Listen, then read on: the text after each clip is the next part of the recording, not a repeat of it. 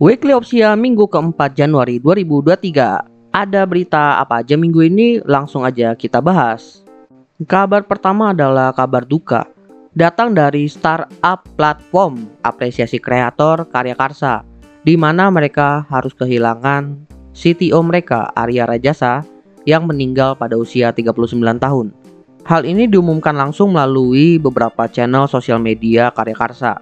Sosok beliau dapat dikatakan cukup sukses dalam perjalanan karirnya, di mana sebelum memulai menjadi CTO Karya Karsa, dia pun sudah mulai merintis bisnis lain yang telah berkembang besar sampai saat ini, yaitu gantibaju.com dan juga tis.co.id.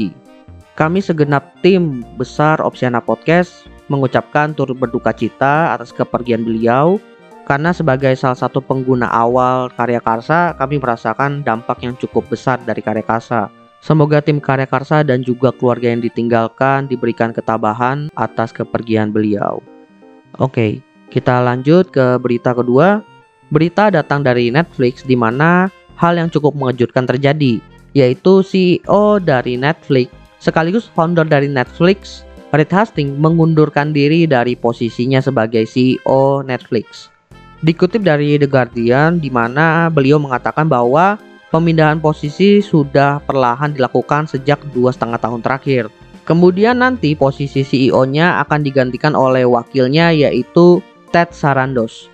Jujur gue nggak begitu tahu ya apakah ini adalah kabar baik atau kabar buruk bagi Netflix. Melihat kinerja Netflix beberapa tahun ke belakang itu mengalami penurunan dengan kebijakannya yang bisa dikatakan tidak begitu tepat. Di mana dalam bidang streaming film, para kompetitornya berhasil meraih user dalam jumlah besar. Dan tentunya ini menjadi tantangan untuk Netflix untuk terus mempertahankan layanannya dan juga memberikan servis terbaik bagi konsumennya. Apakah dengan kepergian dari CEO Netflix dan juga foundernya ini dapat memberikan angin segar bagi Netflix? Kita tunggu saja keputusan lainnya. Sekarang berita terkait investment. Ada dua startup lokal yang gue highlight di sini di mana keduanya itu mendapatkan investment dari East Ventures. Yang pertama Komunal dan yang kedua Mindtera. Komunal adalah sebuah startup yang berfokus kepada digitalisasi BPR. Buat yang belum tahu BPR itu apa, BPR itu adalah Bank Perkreditan Rakyat.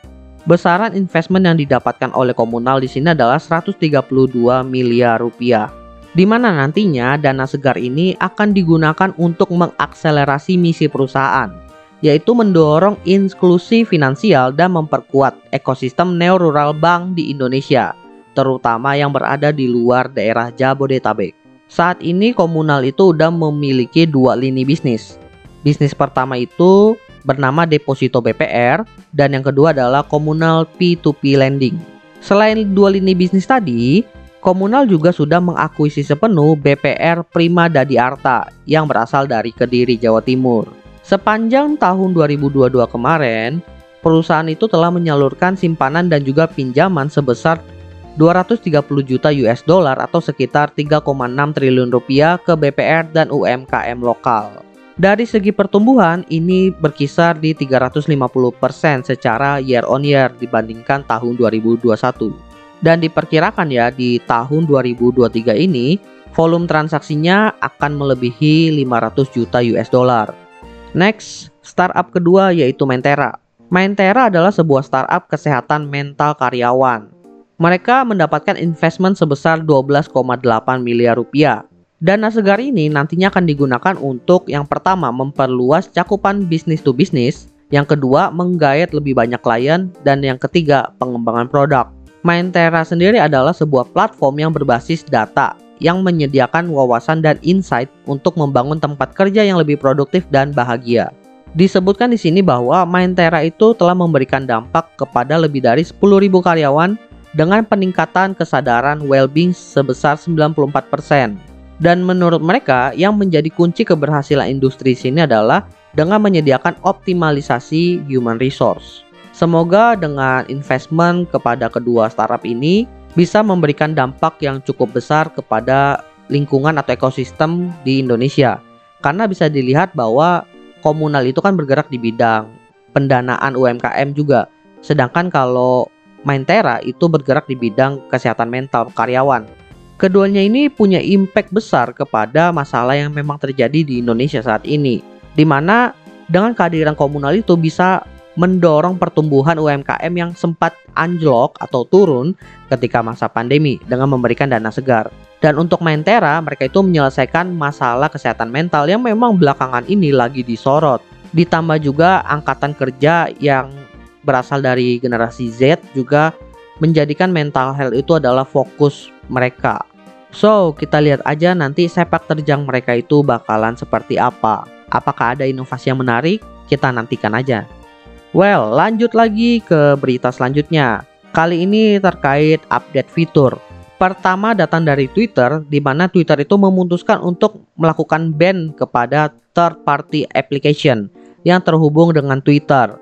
Jadi buat teman-teman yang pakai Twitter dan mengenal aplikasi seperti Tweetbot dan juga Twitterific, kalian itu udah nggak akan bisa menggunakan aplikasi itu lagi. Bahkan ya, perusahaan yang mengeluarkan aplikasi tersebut akhirnya menghentikan servis terhadap aplikasi yang gue sebutkan tadi. Ya, ini mungkin langkah dari Elon Musk untuk mengamankan data dari Twitter dan juga menyelesaikan masalah fake account yang sempat di-highlight oleh dia. Lanjut, sekarang fitur baru dari Instagram. Sepertinya Instagram itu nggak mau kalah dari TikTok. Di mana minggu kemarin gue itu mengupdate bahwa TikTok itu mengeluarkan fitur terkait quiet mode. Sekarang Instagram juga ikut mengeluarkan fitur tersebut. Tujuannya pun sama, ingin mengurangi kegelisahan user ketika mereka menggunakan aplikasi Instagram. Caranya mereka itu akan melakukan silence kepada notifikasi yang masuk, kemudian memberikan fitur auto reply apabila kita mendapatkan direct message atau DM. Dan juga nantinya status kita itu akan dipasangkan atau disetting sebagai status in quiet mode yang tujuannya menginformasikan kepada teman kita bahwa kita itu lagi nggak aktif.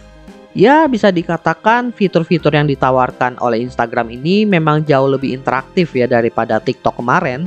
Di mana kalau TikTok kemarin itu sebatas ngelok aplikasinya, sedangkan kalau Instagram itu udah sampai ngebalesin DM. Dan nantinya juga perusahaan itu akan memfokuskan fitur ini utamanya kepada pengguna yang masih remaja jadi kemungkinan besar nantinya akan dilakukan pengecekan umur. Sehingga kalau umurnya itu masih tergolong sebagai remaja, akan muncul permintaan untuk mengaktifkan fitur quiet mode ini. Kita lihat aja nanti apakah benar dengan fitur yang dikeluarkan Instagram ini bisa mengurangi kegelisahan penggunanya. Dan tentunya yang paling penting, apakah bisa menyaingi fitur serupa dari kompetitornya. Well, jadi itu adalah beberapa berita yang gua highlight di Weekly Opsia kali ini. Semoga bermanfaat buat teman-teman semuanya. By the way, jangan lupa follow Instagram Opsiana Podcast di @opsiana_media karena di situ bakal ada update-update menarik seputar update podcast terbaru dan juga konten lainnya. Jangan lupa juga subscribe Opsiana Podcast di platform podcast kalian sehingga kalian bisa mendapatkan notifikasi terkait update podcast terbaru juga dari Opsiana. Oke, gua rasa itu aja yang pengen gue bahas di Weekly Opsia kali ini. Thank you buat teman-teman semua. See you next time di Weekly Opsia lainnya.